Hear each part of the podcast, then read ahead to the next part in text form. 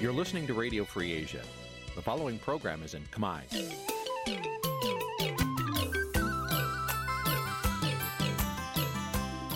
Nǐ ជាកម្មវិធីផ្សាយ Vuthu Azizi Serai នេះជាកម្មវិធីផ្សាយរបស់ Vuthu Azizi Serai ជាភាសាខ្មែរ Vuthu Azizi Serai សូមស្វាគមន៍លោកអ្នកនាងទាំងអស់ពីរដ្ឋធានី Washington នៃសហរដ្ឋអាមេរិកពីរដ្ឋធានី Washington នាងខ្ញុំសុជីវីសូមជម្រាបសួរលោកអ្នកនាងកញ្ញាដែលកំពុងតាមដានការផ្សាយរបស់ Vithu Azizi សេរីទាំងអស់ជាទីមេត្រីយើងខ្ញុំសូមជូនកម្មវិធីផ្សាយសម្រាប់ព្រឹកថ្ងៃច័ន្ទ100ខែមិញឆ្នាំខាលចត្វាស័កពុទ្ធសករាជ2566ត្រូវនៅថ្ងៃទី6ខែកុម្ភៈគ្រិស្តសករាជ2023ជាដំបូងនេះសូមអញ្ជើញលោកអ្នកនាង ស្ដាប់ព័ត៌មានប្រចាំថ្ងៃដែលមានមេត្តាដូចតទៅ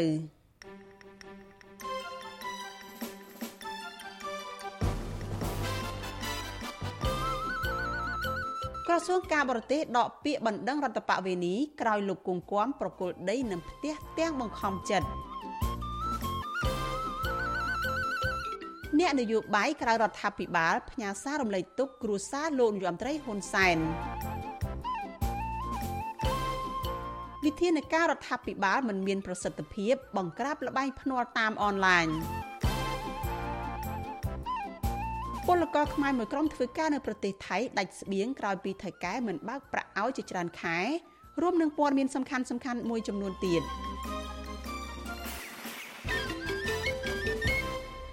ចាជាបន្តទៅទៀតនេះនាងខ្ញុំសុជីវីសូមជូនព័ត៌មានទាំងនេះពិស្ដា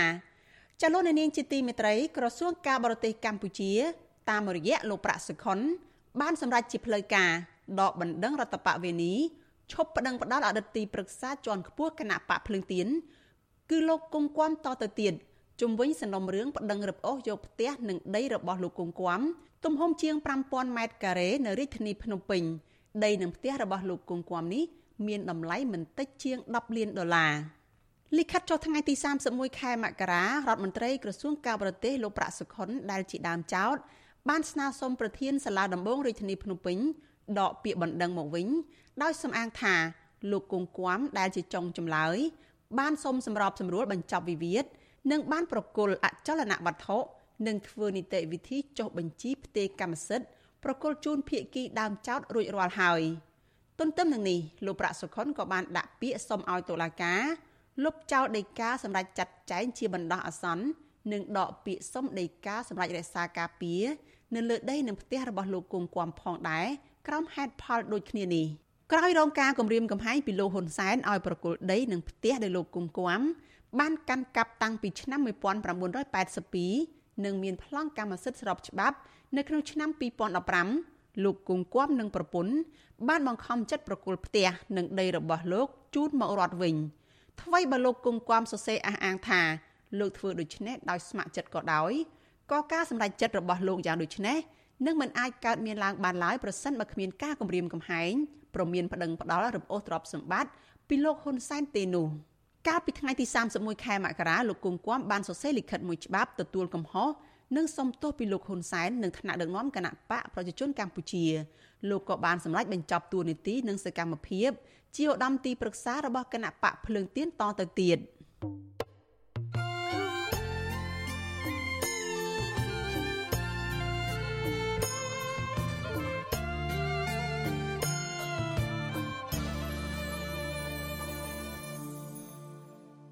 លោកអ្នកនាងជាទីមេត្រីលោកអ្នកកំពុងតែតាមដានការផ្សាយរបស់ Vithu Azizi សេរីចាប់ផ្សាយចេញពីរដ្ឋធានី Washington សហរដ្ឋអាមេរិក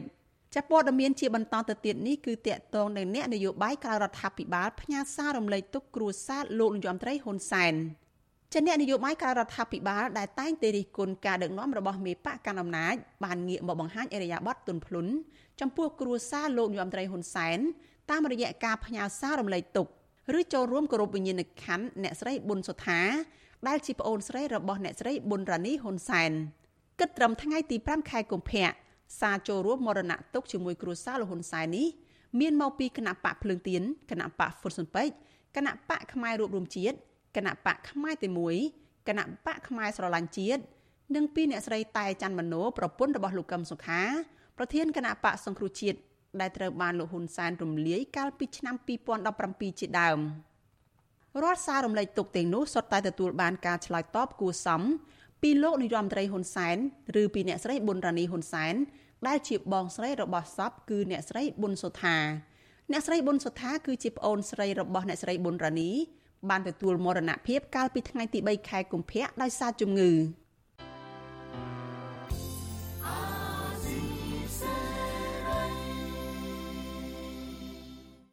លោកអ្នកនាងជាទីមេត្រីចាព័ត៌មានដាច់ដោយឡែកមួយទៀតចានៅថ្ងៃបុណ្យមាឃបូជាកាលពីថ្ងៃម្សិលមិញលោកនាយរដ្ឋមន្ត្រីហ៊ុនសែនលើកឡើងថាព្រះពុទ្ធសាសនាបានរួមចំណែកឲ្យមានសុខសន្តិភាពស្ថិរភាពសង្គមប៉ុន្តែមេដឹកនាំគណៈបកប្រឆាំងអំពាវនាវឲ្យមេដឹកនាំដែលតាំងខ្លួនថាចង់បានសន្តិភាពនោះត្រូវយល់ពីអត្តន័យពិត ដោយស្ដែងតាមរយៈកាយនិងវាចាចាលោកសនច័ន្ទរដ្ឋារាយការណ៍អំពីរឿងនេះថ្ងៃ15កើតពេញបរមីខែមិញ ដែលជាថ្ងៃដែលពុទ្ធសាសនិកតែនាំគ្នាប្រារព្ធពិធីដ៏ធំមួយគឺបុណ្យមាឃបូជា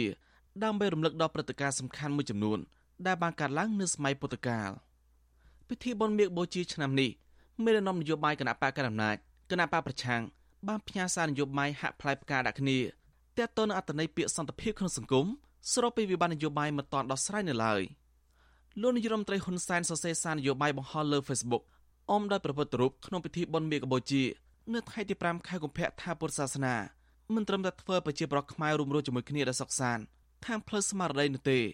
ប៉ុន្តែថែមទាំងបានរួមចំណែកយ៉ាងសំខាន់ក្នុងការពង្រឹងសន្តិភាពសន្តិសុខសង្គមស្ថិរភាពសង្គមនិងការប្រែលើគ្រោះវិស័យនិងថែរក្សាការពារអត្តសញ្ញាណជាតិបើទោះបីជាលោកហ៊ុនសែនលើកឡើងបែបនេះក្តីប្រធានគណៈបកសង្គ្រោះជាតិលោកកឹមសុខាដែលរងបាត់ចោលសន្តិភាពឬការត្រូវរើគ្នាជាមួយរដ្ឋបរទេសដើម្បីបដិរលំរដ្ឋាភិបាលលោកហ៊ុនសែន បានសរសេរសារបង្ហោះលើ Facebook ថាអ្នកតាំងខ្លួនជាពុទ្ធសាសនិកពិសេសប្រជាប្រដ្ឋខ្មែរក៏ដូចជាមេដឹកនាំប្រទេសត្រូវយល់ដឹងហើយពង្រឹងការប្រតិបត្តិនៅព្រះពុទ្ធអាវាទលោកកឹមសុខា បន្តថាការទូមានរបស់ព្រះសម្មាសម្ពុទ្ធឲ្យមនុស្សគ្រប់រូបដែលថ្នាក់ចង់បានសន្តិភាពត្រូវយល់ដឹងពីអត្ថន័យសន្តិភាពពិតនោះគឺជាសន្តិភាពដែលកើតចេញក្នុងផ្លូវចិត្តរបស់បុគ្គលរៀងៗខ្លួនដែលស្ដែងចេញតាមរយៈសកម្មភាពនិងពាក្យសម្ដីជុំវិញរឿងនេះបដិជនបូបេដែលកំពុងភៀសប្រកាយនៅប្រទេសស្វី មានត្រាធិការថាបុណ្យមេកបូជាគឺជាទំនៀមទម្លាប់ប្រពៃណីបែបព្រះពុទ្ធសាសនាដើម្បីអប់រំដល់អ្នកបួសអ្នកកម្មព្រះពុទ្ធសាសនាទាំងអស់ឲ្យមានសន្តិភាពទាំងផ្លូវកាយនិងផ្លូវចិត្តនិងអាចរស់នៅសុខសាន្តក្នុងសង្គមដោយលះបង់អំពើទុច្ចរិតការបៀតបៀនការឈ្នានីសនិងការគុំគុនសងសឹកជាដើមបើទោះបីជាយ៉ាងណាព្រះអង្គថាមូលហេតុសំខាន់នៅក្នុងកម្ពុជាឈានដល់ការបែកបាក់ជាមទល់ពេលនេះដោយសារនយោបាយពិសេសលហ៊ុនសែន មិនបានប្រតិបត្តិតាមធម៌អប់រំរបស់ព្រះសម្មាសម្ពុទ្ធឲ្យបានត្រឹមត្រូវផ្ទុយទៅវិញព្រះអង្គថាលហ៊ុនសែនបែរជាសាងអំពើបាបពលពាក្យសម្ដីអសុរោជាប្រមាថជាហោហែផ្ដោតគំរូអាក្រក់ដល់សង្គមទៅវិញព្រះអង្គផ្ដោតអាវ៉ាត់ដល់លោកហ៊ុនសែនគួរទៅវរៀនធម៌អប់រំចិត្តរក្សាសិលជាមួយព្រះសង្ឃដើម្បីដាស់តឿនផ្លូវចិត្តលះបង់អំពើអាក្រក់ចោលហើយងាកមកធ្វើអំពើល្អតាមរយៈការដំណំប្រទេសបែបប្រធរទៅវិញ។ សេចក្តីសុខវាកើតឡើងបានសន្តិភាពកើតឡើងបានគឺដោយការមិនចងកម្មចងពៀមិនចងវិវាទអីជាមួយគ្នាហ្នឹងបើចុះបើយើងយើងអត់មានអញ្ចឹងប៉ុណ្ណឹងយើងអ្នកម្នាក់ហ្នឹងយើងជាពិសេសគឺហ៊ុនសែនអីហ្នឹងគឺគិតតែក្នុងគ្នាខំប្រឹងចងកម្មចងពៀជាមួយប្រជាជនចងកម្មចងពៀជាមួយប្រសង់ចងកម្មចងពៀជាមួយគណៈបពប្រឆាំងមួយអ្នកការពារសិទ្ធិមនុស្សជាមួយអ្នកការពារប្រៃឈើជាមួយអង្គការសង្គមស៊ីវិលបច្ចុប្បន្នហ្នឹងតែរដ្ឋធរអាយណាហ៊ុនសែនគ្មានធัวទេចំណែកប្រជាជនហេងកំឡាយដែលកំពុងភៀសប្រកាយនៅប្រទេសថៃ មានត្រាដីកាថាប្រពុទ្ធសាសនា បានចូលរួមចំណែកកសាងសន្តិភាពហើយអប់រំមនុស្សក្នុងសង្គមឲ្យប្រព្រឹត្តអំពើល្អប៉ុន្តែព្រះអង្គថាទង្វើលហ៊ុនសែនផ្ទុយពីប្រព្រឹត្តអាវ៉ាដោយសារលហ៊ុនសែនតែងសាងអំពើបាបដូចជាការធ្វើទុកបុកម្នេញគំរាមកំហែងប្រសង់និងប្រកខ្មែរដែលមាននានាការផ្ទុយពីរដ្ឋាភិបាលរបស់លោក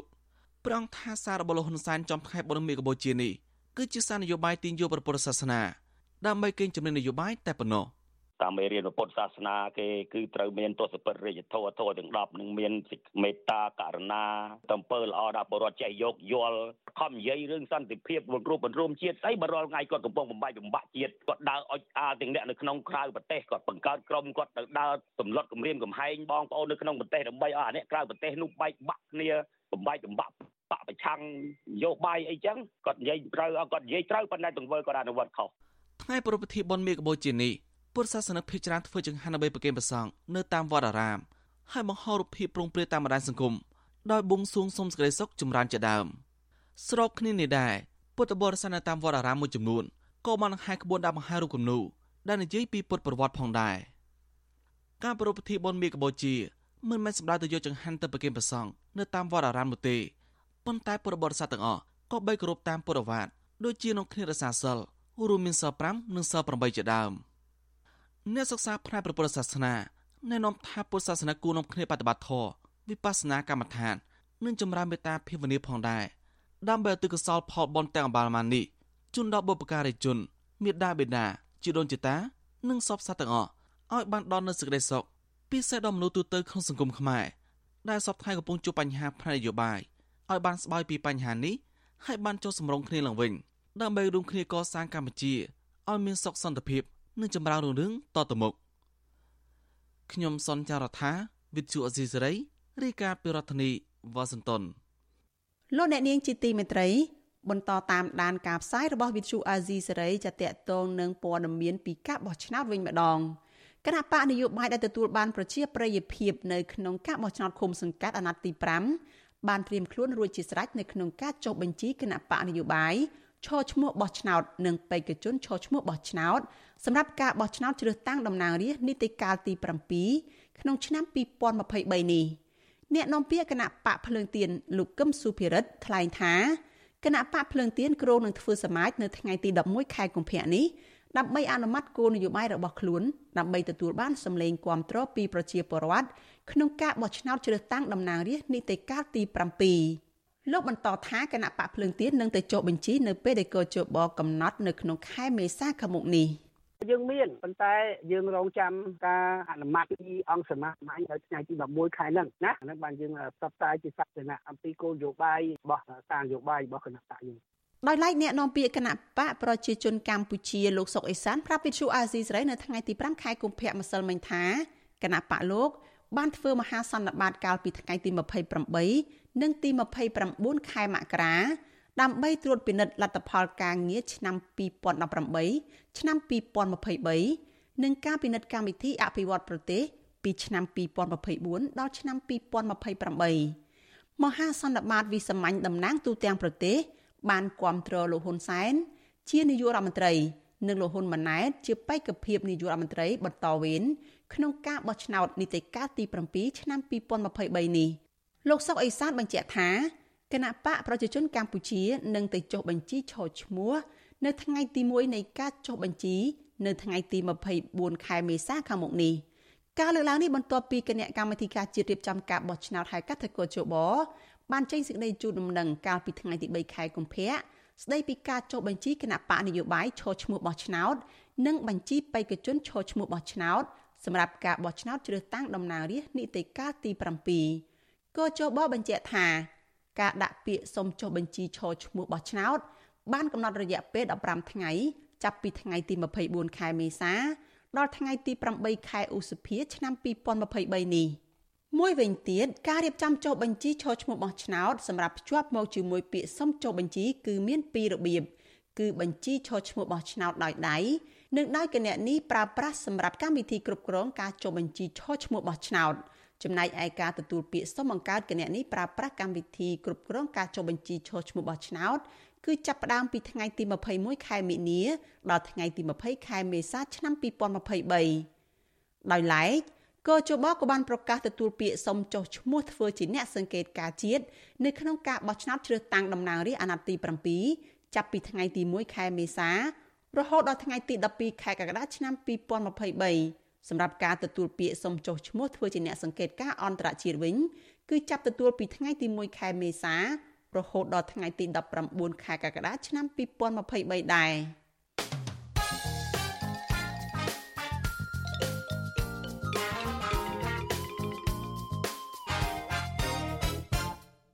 លោកអ្នកនាងកំពុងស្ដាប់ការផ្សាយរបស់វិទ្យុអាស៊ីសេរីទាំងអស់ជាទីមេត្រីព័ត៌មានតកតងនឹងលបែងស៊ីសងអនឡាញវិញម្ដងជាការភ្នាល់លបែងស៊ីសងតាមប្រព័ន្ធអនឡាញនៅតែកើតមានច្រើនពលរដ្ឋថាបញ្ហានេះក៏ដោយសារតែអាជ្ញាធរមូលដ្ឋានទទួលយកលុយសំណូកពីម្ចាស់អាជីវកម្មដែលបើកលបែងភ្នាល់តាមអនឡាញទាំងនោះ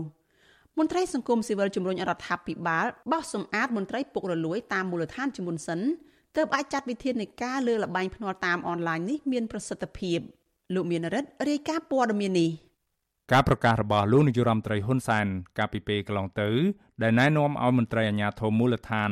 បង្ក្រាបនិងទប់ស្កាត់លបែងស៊ីសងគ្រប់ប្រភេទនោះអាចគ្រាន់តែជាវិធានការភ្លើងចម្បាំងតែប៉ុណ្ណោះត្បិតមន្ត្រីអាជ្ញាធរមូលដ្ឋានមួយចំនួន នៅតែប្រព្រឹត្តអំពើពុករលួយទទួលលុយកាក់ពីក្រុមឈ្មួញដើម្បីឲ្យបន្តអាជីវកម្មភ្នាល់លបែងតាមអនឡាញ ទោះជាយ៉ាងណាមកទល់ពេលនេះការភ្នាល់លបែងស៊ីសងតាមប្រព័ន្ធអនឡាញនៅតាមបណ្ដាខេត្តមួយចំនួន ដូចជានៅខេត្តកណ្ដាល កំពត កែប និងខេត្តបន្ទាយមានជ័យជាដើម នៅតែបន្តដំណើរការជាធម្មតាដោយគ្មានអាជ្ញាធរណាចុះបង្ក្រាបឡើយក្រៅពីនេះនៅតាមបណ្ដាខេត្តមួយចំនួនទៀតបើទោះជាពុំមានការចាក់ភ្នាល់លបែងតាមអេក្រង់ទូរទស្សន៍ដូចមុនក៏ដោយក៏ប៉ុន្តែក្រុមឈ្មួញបែរជាងាកមកប្រើ iPad ជំនួសវិញ អ្នករុនម៉ូតូឌុបម្នាក់នៅក្នុងខេត្តកំពតលោកមាសវាសនាប្រាប់វិសុយស៊ីស្រីនៅថ្ងៃទី5ខែកុម្ភៈថាលបែងចាក់ភ្នាល់តាមប្រព័ន្ធអនឡាញនៅក្រុងកំពត នៅតែបន្តកើតមានច្រើន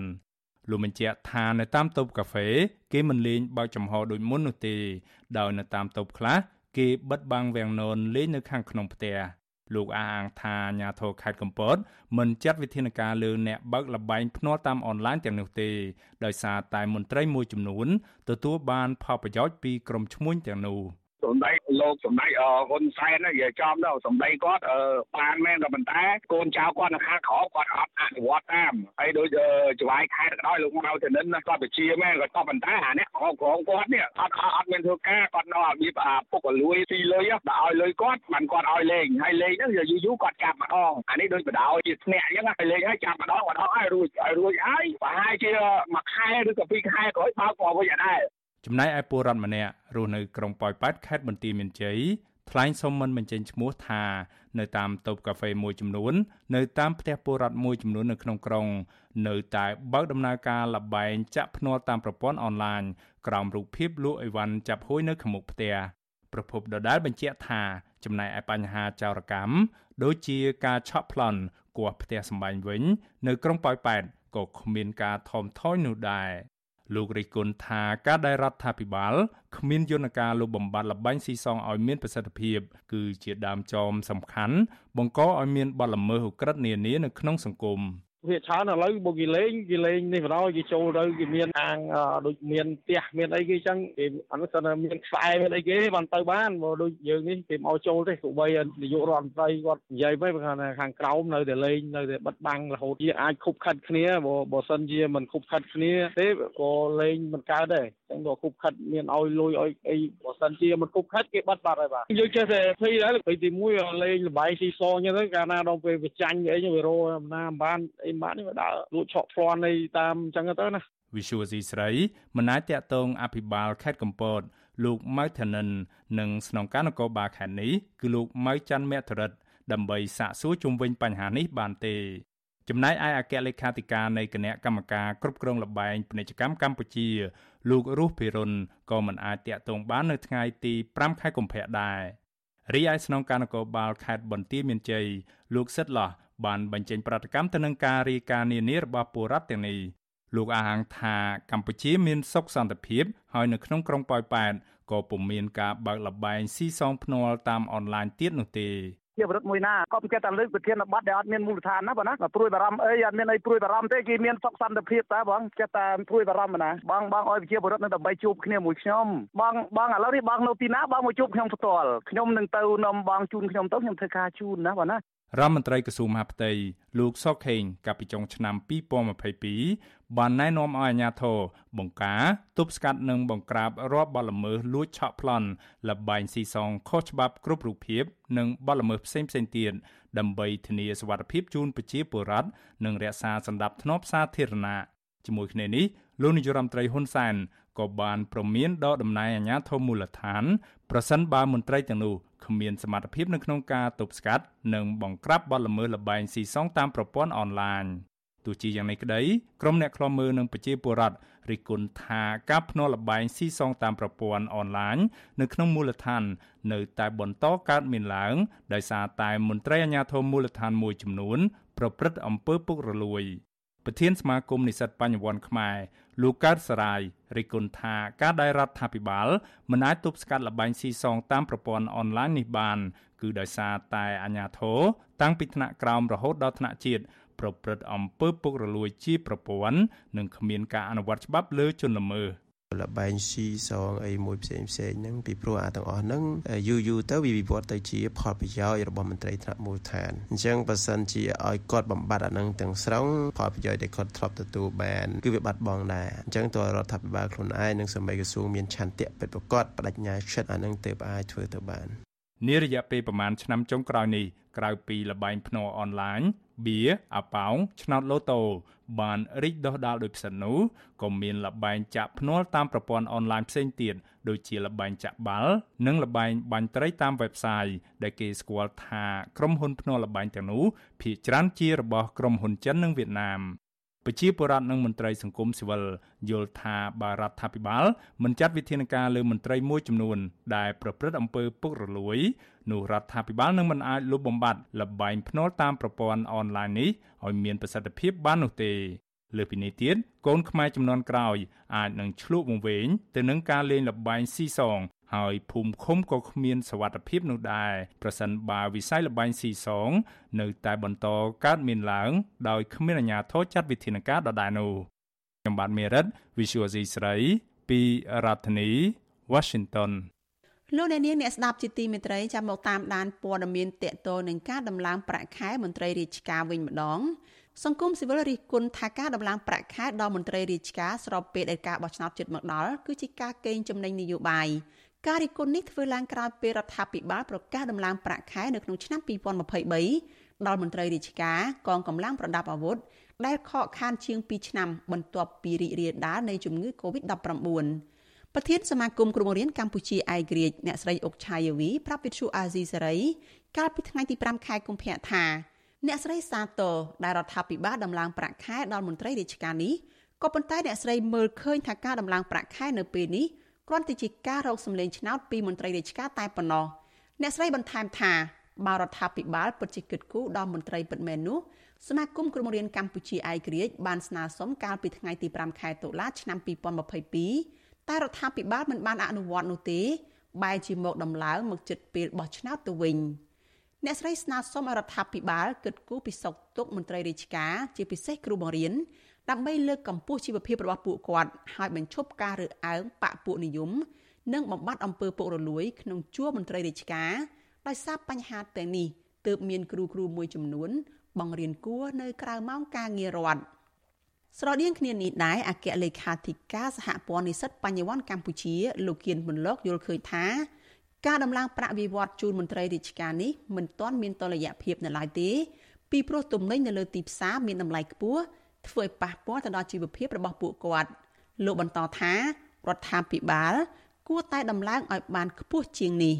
ខ្ញុំចង់ឃើញរដ្ឋាភិបាលដែលកើតក្រោយការបោះឆ្នោតឆ្នាំ2023ជារដ្ឋាភិបាលមួយ ដែលមិនមានការរើសអើងនយោបាយមានន័យថាអ្នកដែលមាននិន្នាការផ្ទុយគឺរដ្ឋាភិបាលត្រូវតែលើកទឹកចិត្តហើយចូលរួមគ្រួមគ្នាដើម្បីផ្សះផ្សាជាតិបង្រួបបង្រួមជាតិដើម្បីឲ្យប្រទេសកម្ពុជាហ្នឹងគឺមានការអភិវឌ្ឍបាទកុំឲ្យមានការបែកបាក់សាមគ្គីជាតិតទៅទៀតបាទរដ្ឋាភិបាលដំឡើងប្រាក់ខែមន្ត្រីរាជការចំនួន1លាន3សែនរៀលគ្រូបង្រៀននិងគ្រូពេទ្យទទួលបាន1លាន4សែនរៀលបើធៀបជាមួយនឹងឆ្នាំ2020មន្ត្រីរាជការទទួលបានជាង1លានរៀលចំណែកគ្រូបង្រៀននិងគ្រូពេទ្យទទួលបានជាង1លានរៀលដែរ ការដំឡើងប្រាក់ខែនេះគឺចាប់ផ្ដើមពីខែមករាឆ្នាំ2023តទៅលោកនាយរដ្ឋមន្ត្រីហ៊ុនសែនតែងប្រើវិធីសាស្ត្រចែកអំណោយដំឡើងប្រាក់ខែលើកទឹកចិត្តដល់មន្ត្រីរាជការមុនពេលបោះឆ្នោតបែបនេះគ្រប់អាណត្តិផ្ទុយពីសកម្មភាពនេះលោកហ៊ុនសែនតែងតែគម្រាមកំហែងលើសកម្មជនបកប្រឆាំងរដ្ឋបិទសិទ្ធិសេរីភាពសម្ដែងមតិការជួបប្រជុំរបស់ពលរដ្ឋដោយប្រើប្រាស់ប្រព័ន្ធតុលាការឧទាហរណ៍កាលពីពេលថ្មីថ្មីនេះ រដ្ឋាភិបាលក្រោមការដឹកនាំរបស់លោកហ៊ុនសែនបានប្តឹងរឹបអូសផ្ទះនិងចាប់ខ្លួនថ្នាក់ដឹកនាំគណៈបកភ្លើងទៀន3រូបដោយគ្រាន់តែពួកគេសម្ដែងមតិដោយស្របច្បាប់និងចាប់ខ្លួនដោយមិនបានប្រព្រឹត្តកំហុសសោះ។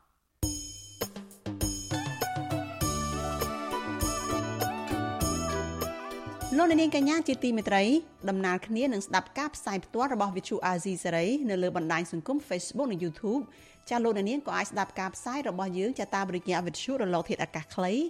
SW តាមកម្រិតនិងកម្ពស់ដូចតទៅនេះពេលព្រឹកចាប់ពីម៉ោង5កន្លះដល់ម៉ោង6កន្លះតាមរយៈ post SW 9.39 MHz ស្មើនឹងកម្ពស់ 32m និង post SW 11.85 MHz ស្មើនឹងកម្ពស់ 25m ពេលយប់ចាប់ពីម៉ោង7កន្លះដល់ម៉ោង8កន្លះតាមរយៈ post SW 9.39 MHz ស្មើនឹងកម្ពស់ 32m post SW 11.88 MHz ស្មើនឹងកម្ពស់ 25m និង post SW 15.15 MHz ស្មើនឹងកម្ពស់ 20m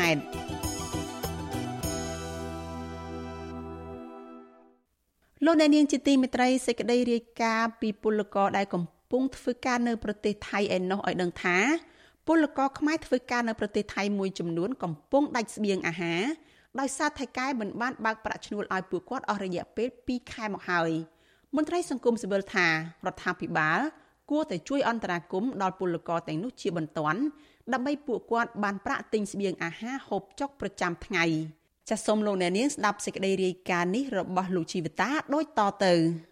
ពលករខ្មែរដែលធ្វើការនៅប្រទេសថៃលើកឡើងថាពួកគាត់ដាច់ស្បៀងអាហារអស់រយៈពេល2ខែមកហើយពលគឺចាប់តាំងពីថៅកែថៃមិនបើកប្រាក់ខែឈ្នួលដល់ពួកគាត់រហូតមកពួកគាត់បារម្ភថាបើសិនជាថៅកែមិនបើកប្រាក់ខែឲ្យឆាប់ឆាប់ទេនោះពួកគាត់អាចនឹងមានជីវភាពលំបាកជាងនេះដែលអាចនឹងប៉ះពាល់ដល់សុខភាព ជាពិសេសប៉ះពាល់ដល់ការលូតលាស់របស់កូនកូន នៅក្នុងបន្ទប់តូចមួយដែលមានគ្នា5នាក់ភាគច្រើនជាស្ត្រីនិងកូនក្មេងផងនោះលោកស្រីមានសារៀមដែលបច្ចុប្បន្នមកធ្វើការសំណង់នៅក្នុងខេត្តសមុទ្រប្រការប្រទេសថៃអស់រយៈពេលជាង5ខែជាកម្មករសំណង់លោកស្រីអាចរកប្រាក់ចំណូលបានជាង300បាតក្នុងមួយថ្ងៃដើម្បីចិញ្ចឹមកូន3នាក់និងសល់លុយខ្លះផ្ញើទៅឲ្យអ្នកផ្ទះនៅឯស្រុកដើម្បីសងបំណុលធនាគារ លោកស្រីប្រាប់វិទ្យុអាស៊ីសេរីនៅថ្ងៃទី5កុម្ភៈថាឥឡូវនេះលោកស្រីគ្មានលុយសម្រាប់ទិញបាយហូបនោះទេ ដោយសារតែថៅកែមិនបើកលុយឲ្យអស់រយៈពេល2ខែមកហើយពិបាកយើងជាពាក្យគេនៅស្រុកផងក៏មានលុយអុយគេឲ្យម៉ែឪនៅផ្ទះក៏ឈឺហើយយើងយកកូនមកក៏មិនបានរៀនបានសូត្រចំណាយច្រើនដែរបើ យើងធ្វើការតពីរនាក់ក៏ដេកជីឡើងកូនវាដេកជីកូនក្មេងវាដេកដូចយើងមនុស្សធំមកលើពូអើយបើតែវាទីអីទីទៅបានគឺនេះពីអត់គឺតាំងយំកំពងអ្នកខេត្តបន្ទាយមានជ័យរូបនេះរៀបរាប់ទាំងអស់សង្ឃឹមថាពេលខ្លះបើថៅកែបើកលុយឲ្យ1000បាតស្មើនឹងជាង100,000រៀលនោះគឺគ្រាន់ទុកទិញអាហារហូបចុកបន្តិចបន្តួចសម្រាប់ពេលព្រឹកនិងពេលល្ងាចដើម្បីជីវិតរស់តែប៉ុណ្ណោះលោកស្រីបន្តថាតាក់ទងនឹងផ្លូវច្បាប់វិញ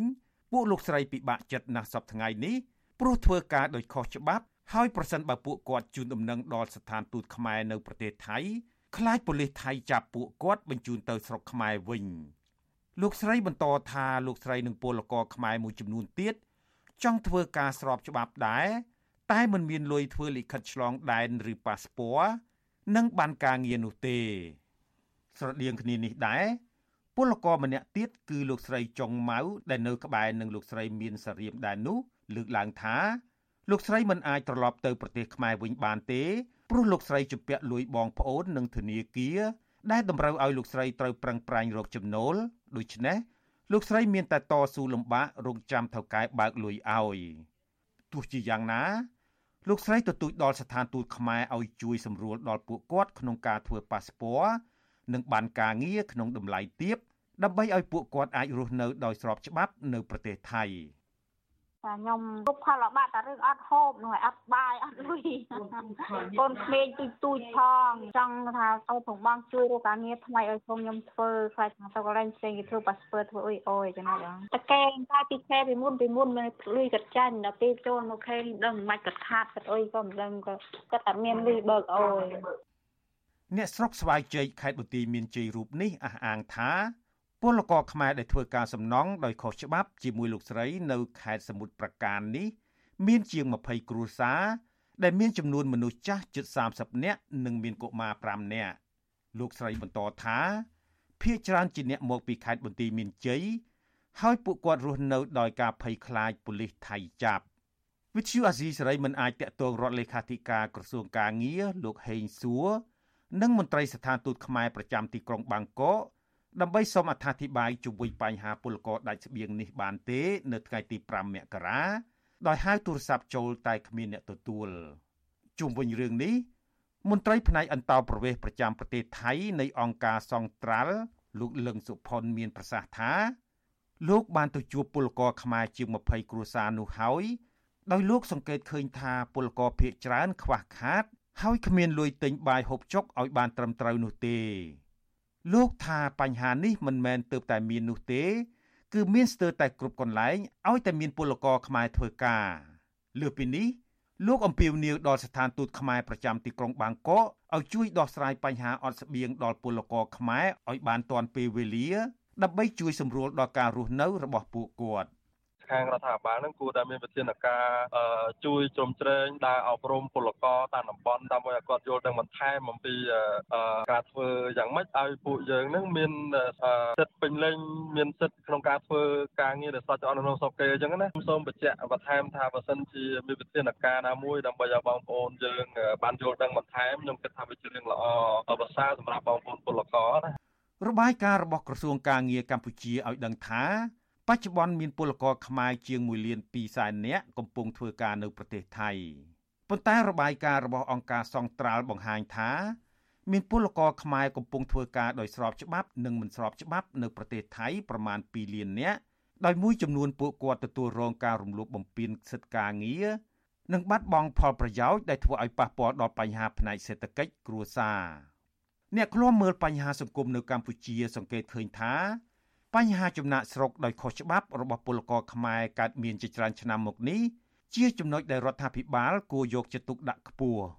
ពួកគាត់សង្កេតឃើញថាកន្លងមករដ្ឋាភិបាលហាក់មិនសូវយកចិត្តទុកដាក់ដោះស្រាយបញ្ហានោះទេ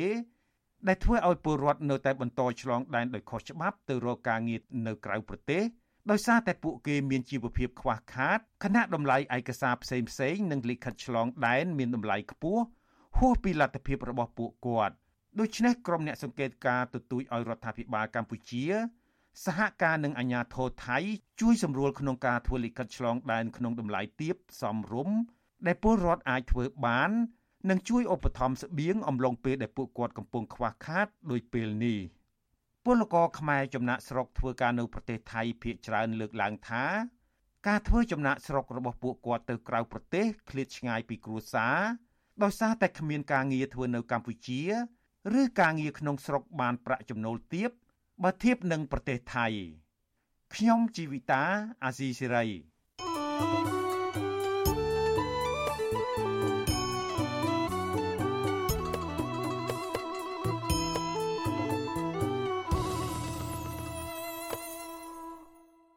លោកអ្នកនាងកញ្ញាជាទីមេត្រីចាព័ត៌មានដាច់ដោយឡែកមួយទៀតប្រជាពលរដ្ឋជាង40នាក់បន្តចូលរួមដង្ហែធម្មយាត្រា លើកកម្ពស់សិលធម៌សង្គមរៀបចំដោយសមាគមគ្រូបង្រៀនកម្ពុជាឯករាជ្យក្រមប្រជាពលរដ្ឋដែលបានចូលរួមដង្ហែធម្មយាត្រាสนំពរដល់អ្នកនយោបាយបញ្ឈប់ការប្រើប្រាស់អំពើហិង្សា និងសម្ដីអសិលធម៌ទៅវិញទៅមកដើម្បីលើកកម្ពស់តម្លៃរបស់ខ្លួននិងយុត្តិធម៌ក្នុងសង្គមចាលោកមានរិទ្ធមានសេចក្តីរាយការណ៍មួយទៀតអំពីរឿងនេះទោះបីជាមានការឃ្លាំមើលពីក្រមអាជ្ញាធរដែលបានថតរូបអ្នកចូលរួមធម្មយាត្រាយ៉ាងណាក្តី ក៏ប្រជាពលរដ្ឋជាង40នាក់នៅតែបន្តចូលរួមដង្ហែធម្មយាត្រា ដើម្បីលើកកម្ពស់សិលធម៌សង្គមនៅថ្ងៃទី5ខែកុម្ភៈដដែលឆ្លៀតក្នុងពេលសម្រាប់ពីការដើរដង្ហែធម្មយាត្រាអតីតជនរងគ្រោះដីធ្លីនៅតំបន់បឹងកក់ម្នាក់ គឺលោកស្រីង៉ែតខុនប្រាវិឈូស៊ីស្រីថាលោកស្រីនិងកូនស្រីម្នាក់ទៀតស្ម័គ្រចិត្តចូលរួមដង្ហែធម្មយាត្រានេះព្រោះលោកស្រីចង់ឲ្យប្រជាពលរដ្ឋខ្មែរទូទៅនិងថ្នាក់ដឹកនាំប្រទេសលើកកម្ពស់យុត្តិធម៌សង្គមដើម្បីឲ្យប្រទេសកម្ពុជាទទួលបានសុខសន្តិភាពពិតប្រាកដបើទោះបីជាស្ថិតនៅក្នុងវ័យ83ឆ្នាំនិងមានការឈឺចុកចាប់ឆ្អឹងខ្នងម្ដងម្ដងយ៉ាងណាក្តី ក៏លោកស្រី នៅតែថ្លែងដោយម៉ឺងម៉ាត់ថាលោកស្រីនឹងចូលរួមដើរដង្ហែធម្មយាត្រានេះរហូតដល់រូបសំណាកអ្នកតាឃ្លាំងមឿងដែលជាទីកំណត់លោកស្រីង៉ែតខុនជំរុញឲ្យប្រជាពលរដ្ឋខ្មែរហ៊ានលះបង់ពេលវេលា ចូលរួមធម្មយាត្រា ដើម្បីលើកកម្ពស់ក្រមសីលធម៌សង្គមនេះព្រោះអ្នកនយោបាយអាចនឹងពិចារណាផ្លាស់ប្ដូរទម្លាប់ប្រើប្រាស់អំពើហិង្សា ខ្ញុំស្ទាមនេះឲ្យជាពលរដ្ឋយើងឲ្យងើបឈរឡើងដើម្បីឲ្យជួយដល់សង្គមយើងជាពលរដ្ឋយើងងើបឈរទាំងអស់គ្នាមកដើម្បីប្រទេសជាតិយើងនឹងបានសន្តិភាពហើយនឹងអនាគតកូនចៅយើងបានសុខសន្តិភាពស្រដៀងគ្នានេះដែរប្រជាពលរដ្ឋម្នាក់ទៀតមកពីខេត្តពោធិ៍សាត់គឺលោកសឹមសុខឿនថ្លែងថាលោកស្ម័គ្រចិត្តចូលរួមដង្ហែធម្មយាត្រានេះដោយសារតែលោកចង់ឲ្យថ្នាក់ដឹកនាំប្រទេសជាតិនិងមន្ត្រីរាជការ ប្រើប្រាស់ពាក្យសម្ដីនៅទីសាធារណៈប្រកបដោយក្រមសីលធម៌ជាងមុនលោកបានថែមថានៅពេលដែលថ្នាក់ដឹកនាំនិងអ្នកមានអំណាចប្រើប្រាស់ពាក្យសម្ដីប្រកបដោយក្រមសីលធម៌នោះមិនត្រឹមតែអាចឲ្យពួកគេមានសេចក្តីថ្លៃថ្នូរសម្រាប់ខ្លួនឯងប៉ុណ្ណោះទេក៏ប៉ុន្តែថែមទាំងអាចនាំឲ្យមានការផ្សះផ្សាជាតិផងដែរលោកសឹមសុខឿនបន្ថែមថាការប្រកាន់ខ្ជាប់នៅក្រមសីលធម៌គឺជាមូលដ្ឋានគ្រឹះក្នុងការអភិវឌ្ឍសង្គមជាតិ ព្រោះនៅពេលមនុស្សមានក្រមសីលធម៌កាន់តែខ្ពស់ពួកគេនឹងមានការខ្មាស់អៀននៅក្នុងការប្រព្រឹត្តអំពើពុករលួយ និងលែងឲ្យតម្លៃលើភាពមានបានផ្ទាល់ខ្លួន ដោយចេះបរិច្ចាគដើម្បីការអភិវឌ្ឍសង្គមវិញ ខ្ញុំសំណូមពរទៅដល់រាជរដ្ឋាភិបាលក្តីអ្នកនយោបាយគ្រប់និន្នាការនយោបាយក្តីក៏ដូចជាប្រជាពលរដ្ឋទាំងអស់ជាទូទៅចូលរួមលើកកម្ពស់សិលធម៌សង្គមដើម្បីចូលរួមចំណែកធ្វើឲ្យសង្គមជាតិនេះរុងរឿងរីកចម្រើនមិនត្រឹមតែសម្រាប់ពួកយើងខ្ញុំគឺសម្រាប់កូនចៅចំនួនក្រោយតតចំនួនទៀត ក្បួនធម្មយាត្រាលើកម្ពស់សិលធម៌សង្គមបានចាប់ផ្ដើមធ្វើដំណើរដោយថ្មើរជើង ចេញពីរូបសំណាកលោកយាយពេញនៅក្នុងរាជធានីភ្នំពេញ កាលពីថ្ងៃទី1ខែកុម្ភៈឆ្ពោះទៅកាន់រូបសំណាកអ្នកតាឃ្លាំងមឿងខេត្តពោធិ៍សាត់ដោយឆ្លងកាត់ខេត្តកណ្ដាលកំពង់ស្ពឺនិងកំពង់ឆ្នាំងនៅតាមផ្លូវដង្ហែធម្មយាត្រាបុរដ្ឋខ្លះប្រគេនភេសជ្ជៈនិងថ្នាំសង្កូវដល់ព្រះសង្ឃនិងអ្នកចូលរួម អ្នកចូលរួមនាំគ្នាកាន់ទង់ជាតិខ្មែរនិងទង់សាសនាហើយអ្នកខ្លះទៀតកាន់រូបថតអ្នកទស្សនយោបាយដូចជាកញ្ញាសេងធីរីនិងមេដឹកនាំសហជីព Nagawal កញ្ញាឈឹមស៊ីថោជាដើមជាមួយគ្នានេះការដង្ហែធម្មយាត្រាក៏បានផ្សព្វផ្សាយពីគោលបំណងទាំង4នៃធម្មយាត្រាតាមរយៈឧបករណ៍បំពងសម្លេង ដល់ប្រជាពលរដ្ឋរស់នៅតាមដងផ្លូវផងដែរ1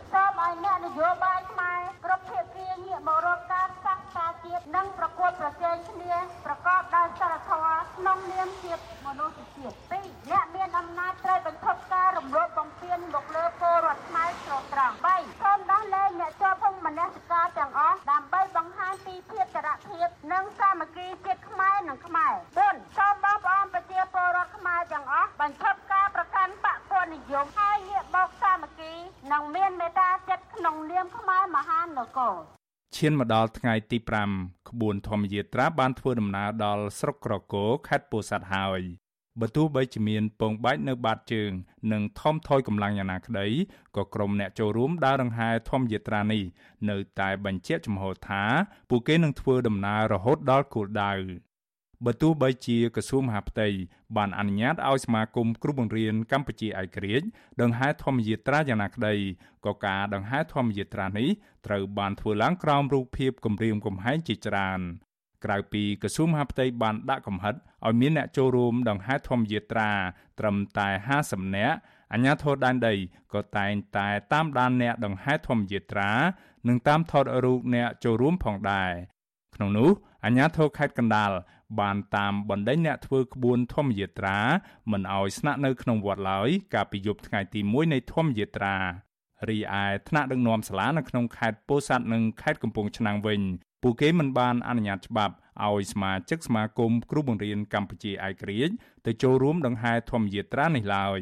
សមាគមគ្រូបង្រៀនកម្ពុជាឯករាជ្យបានចាត់ទុកទង្វើថ្នាក់ដឹកនាំសាលាបែបនេះថាគឺជាការរដ្ឋបិទសិទ្ធិសេរីភាពគ្រូបង្រៀនយ៉ាងធ្ងន់ធ្ងរនៅក្នុងការចូលរួមការងារសង្គមដំបូងឡើយសមាគមគ្រូបង្រៀនកម្ពុជាឯករាជ្យគ្រងដង្ហែធម្មយាត្រារយៈពេល10ថ្ងៃ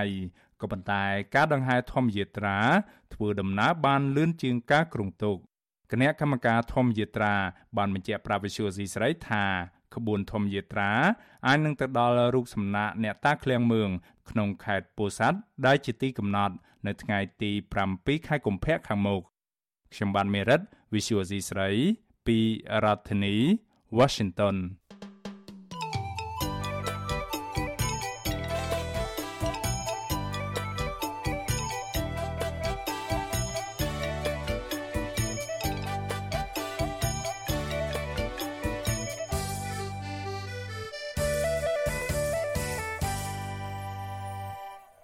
លលោកអ្នកនាងជាទីមេត្រីលោកអ្នកកំពុងតាមដានការផ្សាយរបស់ Vithu Azizi សេរីផ្សាយចេញពីរដ្ឋធានី Washington សហរដ្ឋអាមេរិកចាត់ថ្មីថ្មីនេះសហរដ្ឋអាមេរិកបានផ្តល់ពានរង្វាន់អ្នកការពារសិទ្ធិមនុស្សដល់មេដឹកនាំសហជីពប្រចាំក្រុមហ៊ុន Casino NagaWorld កញ្ញាឈឹមស៊ីធដែលកំពុងជាប់នៅពន្ធនាគារព្រៃសរតើកញ្ញាឈឹមស៊ីធបានធ្វើអ្វីខ្លះដើម្បីការពារអត្ថប្រយោជន៍បុគ្គលិកនិងថាតើមូលហេតុអ្វីបានជាស្ត្រីវ័យក្មេងរូបនេះ ជ្រើសរើសតួនាទីជាប្រធានសហជីពដែលត្រូវប្រឈមការជាប់ពន្ធនាគារជាលើកទី2ចាស់លោកសេកបណ្ឌិត មានសេចក្តីរាយការណ៍ពិស្ដារជុំវិញជីវប្រវត្តិសង្ខេបនិងការតស៊ូរបស់កញ្ញាឈឹមស៊ីធដែលកំពុងជាប់ឃុំក្នុងពន្ធនាគារជាលើកទី2នេះដូចតទៅចាំកូនយកចិត្តគេឲ្យយកទៅធោះអត់គ្រប់ច្បាប់ទូទាត់មិនត្រឹមត្រូវហើយហើយតែតែនិយាយថាខ្លួនឯងគ្រប់ច្បាប់គ្រប់ច្បាប់អីគេច្បាប់តែនិយាយគឺត្រូវយកច្បាប់ការងារទៅខ្មែរមិនមែនច្បាប់របស់ក្រុមហ៊ុន Nagawal ទេ កញ្ញាឈឹមស៊ីធកាន់ក្បាលមីក្រូស្រែកក្នុងចំណោមអ្នកតវ៉ាទៅកាន់ក្រុមហ៊ុន Nagawal ឲ្យចេញមកដោះស្រាយវិវាទការងារឲ្យពួកគេរូបរាងតូចល្អិតសម្បល់សកញ្ញាឈឹមស៊ីធជាប្រធានសហជីពត្រួតត្រងសិទ្ធិការងារបុគ្គលិកកម្មករខ្មែរនៃក្រុមហ៊ុន Nagawal នាងបានតាំងចិត្តរួមសុកទុកទៀមទារកដំណោះស្រាយការងារជាមួយនឹងក្រុមកោតក្ររាប់ពាន់នាក់ ទៅបង្ហាញមុខនៅកន្លែងធ្វើកោតកម្មគ្រាដាល់ថ្នាក់ដឹកនាំសហជីពនិងសហការីជាច្រើនអ្នកត្រូវបានអាជ្ញាធរចាប់ខ្លួនជាបន្តបន្ទាប់បើទោះបីជានាង ដឹងមុនថាអាជ្ញាធរប្រកាសស្វែងរកមុខនិងចាប់ខ្លួនក្តី ទីបំផុតទៅ កាលពីថ្ងៃទី4ខែមករានាងត្រូវបានអាជ្ញាធរស្លៀកពាក់ស៊ីវិលជាច្រើនអ្នកមានមិត្តធំធំឡោមព័ទ្ធចាប់ខ្លួននាងភ្លាមភ្លាមនៅពេលនាងចុះពីរថយន្ត ដើរចូលទៅក្នុងវងកោតក្រទៀមទីឲ្យក្រុមហ៊ុន Nagawal ដោះស្រាយវិវាទការងារយកថ្នាក់ដឹកនាំសហជីពរួមទាំងបុគ្គលិកចំនួន365នាក់ចូលធ្វើការវិញ និងបញ្ឈប់ការរើសអើងសហជីព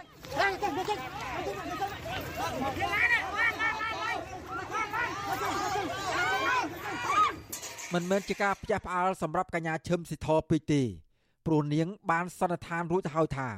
នឹងមានថ្ងៃនេះ គឺនាងនឹងជាប់ពន្ធនាគារស៊ីធបានត្រៀមខ្លួនរួចជាស្រេចនាងបានកាត់សក់ខ្លីឈរថតរូបកាន់បដាតែប្រមាណម៉ោងប៉ុណ្ណោះមុនការចាប់ខ្លួន ដោយពីដានោះបានសរសេរថាខ្ញុំជាប់គុកដោយសារទៀមទាឲ្យ Nagawal គោរពសិទ្ធិសហជីពព្រោះតែភាពអង្អាចក្លាហានរបស់កញ្ញាឈឹមស៊ីធនេះហើយធ្វើឲ្យសាធារណជន អ្នកធ្វើការងារសង្គមអ្នកធ្វើការងារនៅក្នុងវិស័យការងារ អង្គការសង្គមស៊ីវិលជាតិនិងអន្តរជាតិនិងអ្នកជំនាញសិទ្ធិមនុស្សរបស់អង្គការសហប្រជាជាតិផងយល់ថានេះជាការប្រើប្រាស់សិទ្ធិសេរីភាពនៃការជួបប្រជុំសម្ដែងមតិដោយសន្តិវិធី និងធានាដោយច្បាប់មិនមែនជាបទល្មើសនោះទេតុលាការក្រុងភ្នំពេញ បានចោទប្រកាន់កញ្ញាឈឹមស៊ីធ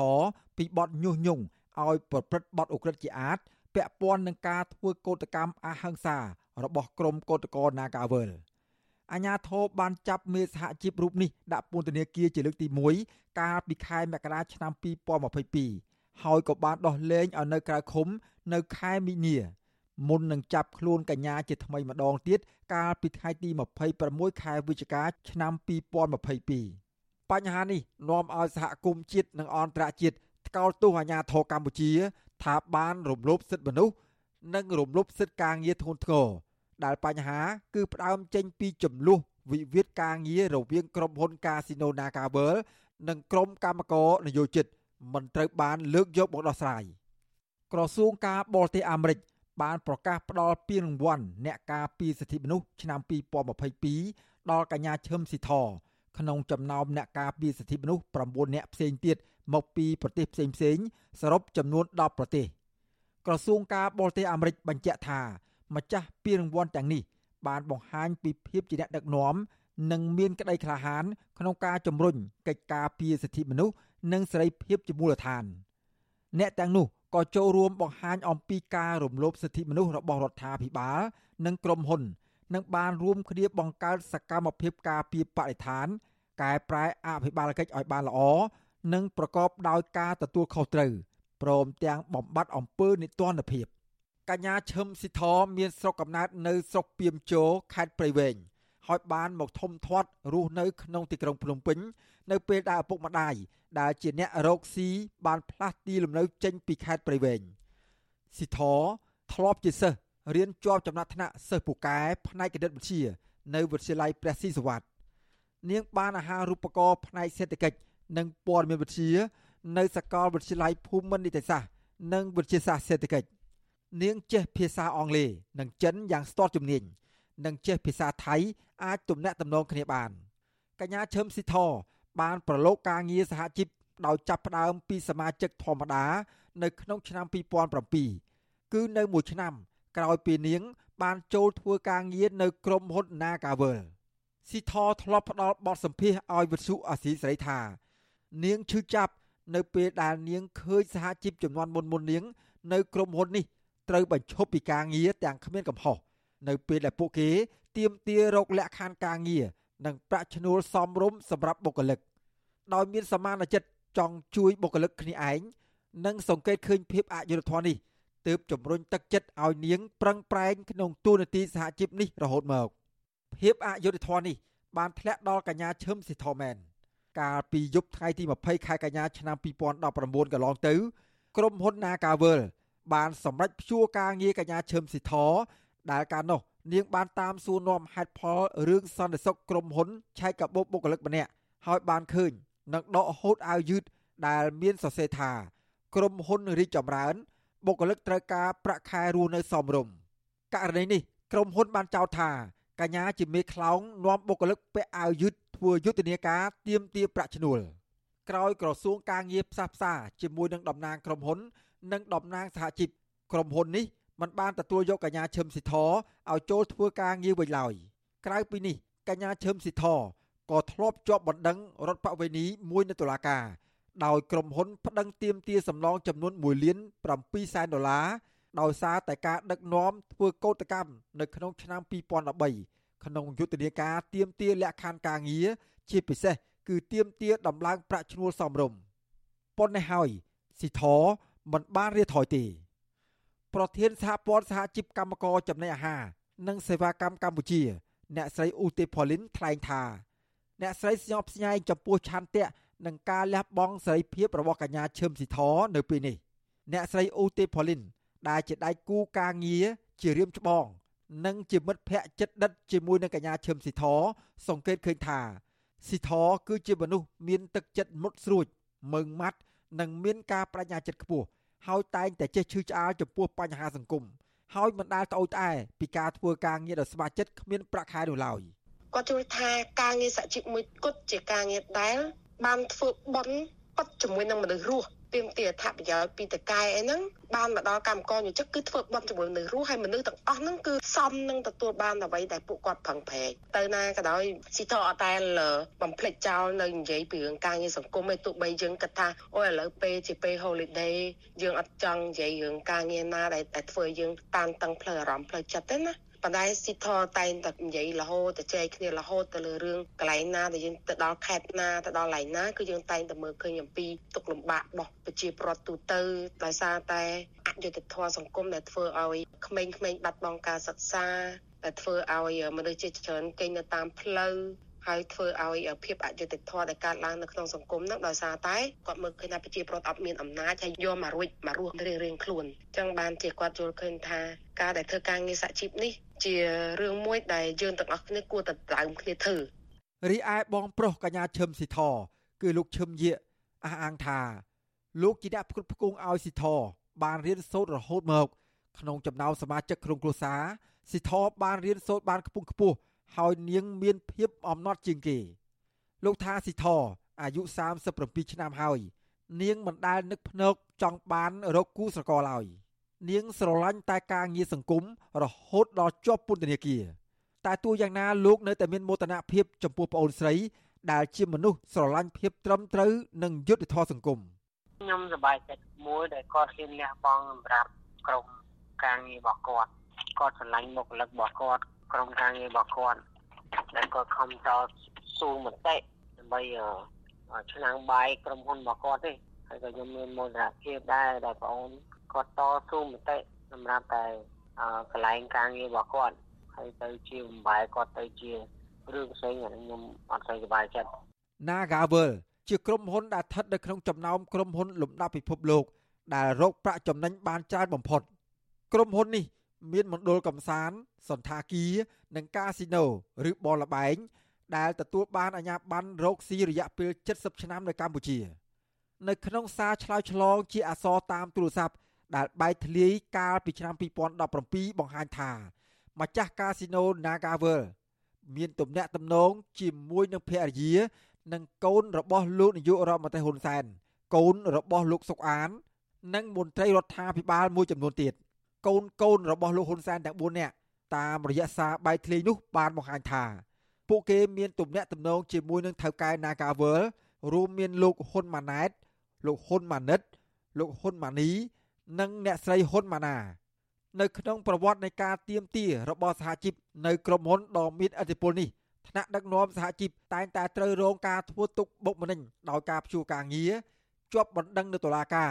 និងចុងក្រោយ គឺបណ្ដឹងចេញពីការងារ ករណីនេះកញ្ញាឈឹមស៊ីធធ្លាប់បានអះអាងថា នាងបានត្រៀមខ្លួនទុកជាមុនរួចហើយថានាងនឹងជួបរឿងរ៉ាវទាំងនេះនៅពេលដែលសេរីភាពសហជីពនៅកម្ពុជាមិនត្រូវបានធានា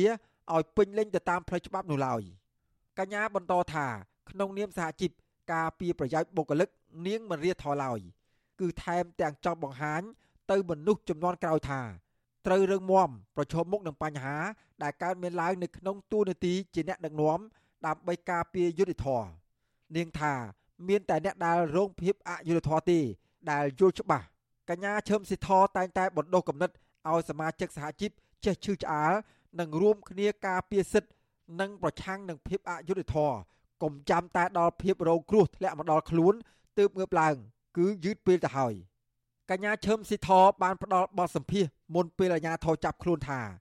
ដើម្បីបញ្ឈប់ការតវ៉ានាពេលនេះលុះត្រាតែដោះលែងថ្នាក់ដឹកនាំសហជីពទម្លាក់ចោលរាល់ការចោទប្រកាន់លើពួកគេ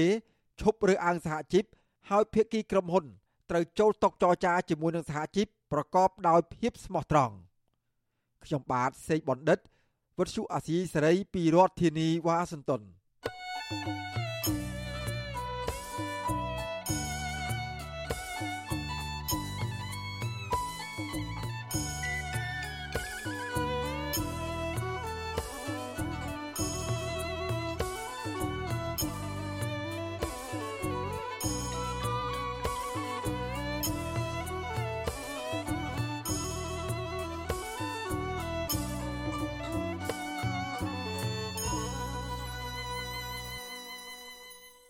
លោកអ្នកនាងកញ្ញាជាទីមេត្រី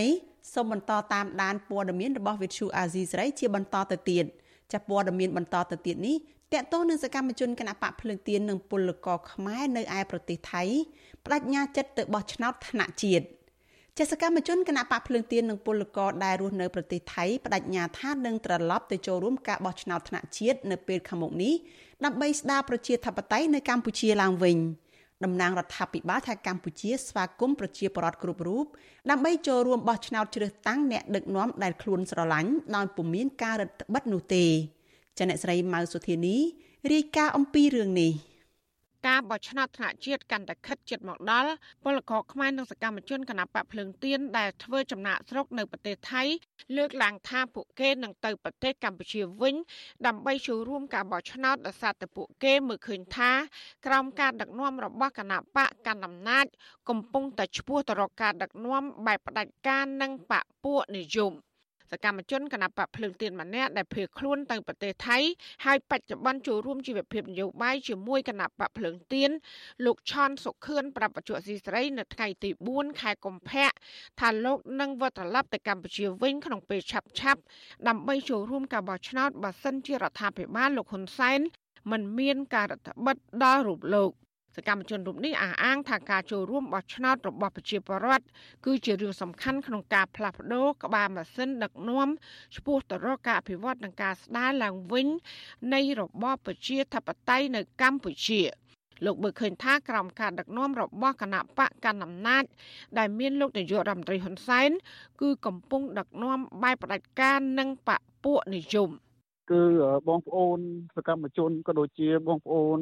ពលករមួយចំនួនធំដែលគាត់មិនមានពីការចាប់ខ្លួនឬក៏មិនមានបញ្ហាប្រឈមជាមួយអាជ្ញាធរគឺពួកគាត់នឹងវិលត្រឡប់ទៅបោះឆ្នោតនៅថ្ងៃទី23កក្កដាខាងមុខនឹងច្បាប់លំហបើកប្រជាធិបតេយ្យលំហប្រជាធិបតេយ្យសេរីពហុបកពិតប្រកបតាមរដ្ឋធម្មនុញ្ញមែនខ្ញុំនឹងចូលរួមបាទខ្ញុំនឹងចូលរួមនៅថ្ងៃ23កក្កដាហ្នឹង ការពិពេទ្យថ្មីថ្មីនេះសន្ទុះប្រជាធិបតេយ្យឆ្នាំ2022ដែលទើបនឹងចេញផ្សាយដោយអង្គភាពស៊ើបអង្កេតសេដ្ឋកិច្ចដែលមានមូលដ្ឋាននៅចក្រភពអង់គ្លេសបង្ហាញថា កម្ពុជានៅតែបន្តជាប់ឈ្មោះ ជាប្រទេសមានរបបដឹកនាំតាមបែបផ្ដាច់ការក្នុងចំណោម167ប្រទេសនៅលើសកលលោកដោយសារតែលោកនាយករដ្ឋមន្ត្រីហ៊ុនសែន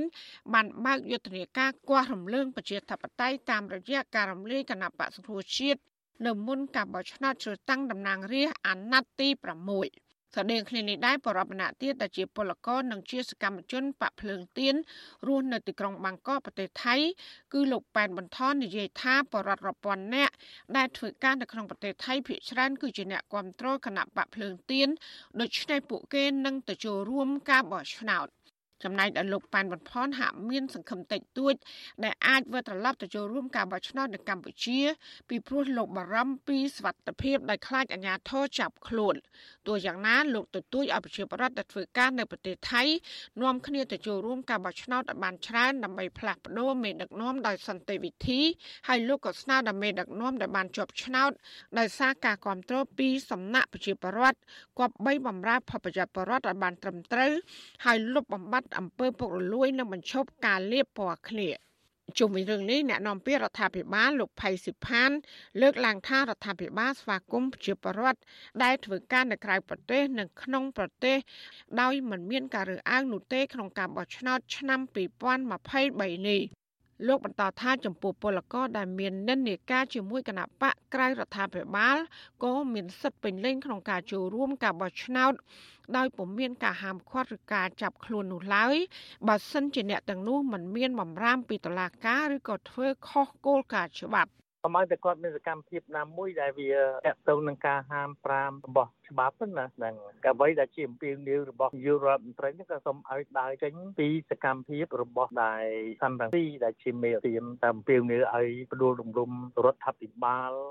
អ្វីត្បិតទៅលោកផៃសិផានប្រកាសស្វាគមន៍ក្តីក៏អ្នកវិភាគមើលឃើញថាសកម្មជនបពប្រឆាំងនៅតែបារម្ភពីសវត្ថិភាពដែលសាររដ្ឋាភិបាលមិនទាន់ស្ដារប្រជាធិបតេយ្យនិងការគោរពសិទ្ធិមនុស្សឡើងវិញនៅឡើយជាពិសេសថ្មីថ្មីនេះគណៈបកកណ្ដាលអំណាចបានដាក់ចេញផែនការតាមកំតិចនិងធ្វើទុកបុកម្នេញអ្នកប្រឆាំងជាបន្តបន្ទាប់ដូចជាការប្តឹងដាក់ពន្ធនាគារនិងរឹបអូសទ្រព្យសម្បត្តិជាដើម។ ជុំវិញរឿងនេះដែរអ្នកនាំពាក្យសមាគមអាត6លោកសង្សានករណាមើលឃើញថាដើម្បីផ្ដល់ការជឿទុកចិត្តរបស់រដ្ឋាភិបាល ក្នុងការបើកឲ្យបរដ្ឋឬពលករនៅក្រៅប្រទេស អាចមានលទ្ធភាពចូលរួមការបោះឆ្នោតដោយសេរីត្រឹមត្រូវលុះត្រាតែរដ្ឋាភិបាលត្រូវធានានៅស្ថិរភាពនយោបាយឲ្យបានល្អឡើងវិញ ហើយបញ្ឈប់ការធ្វើទុកបុកម្នេញមកលើបពប្រឆាំង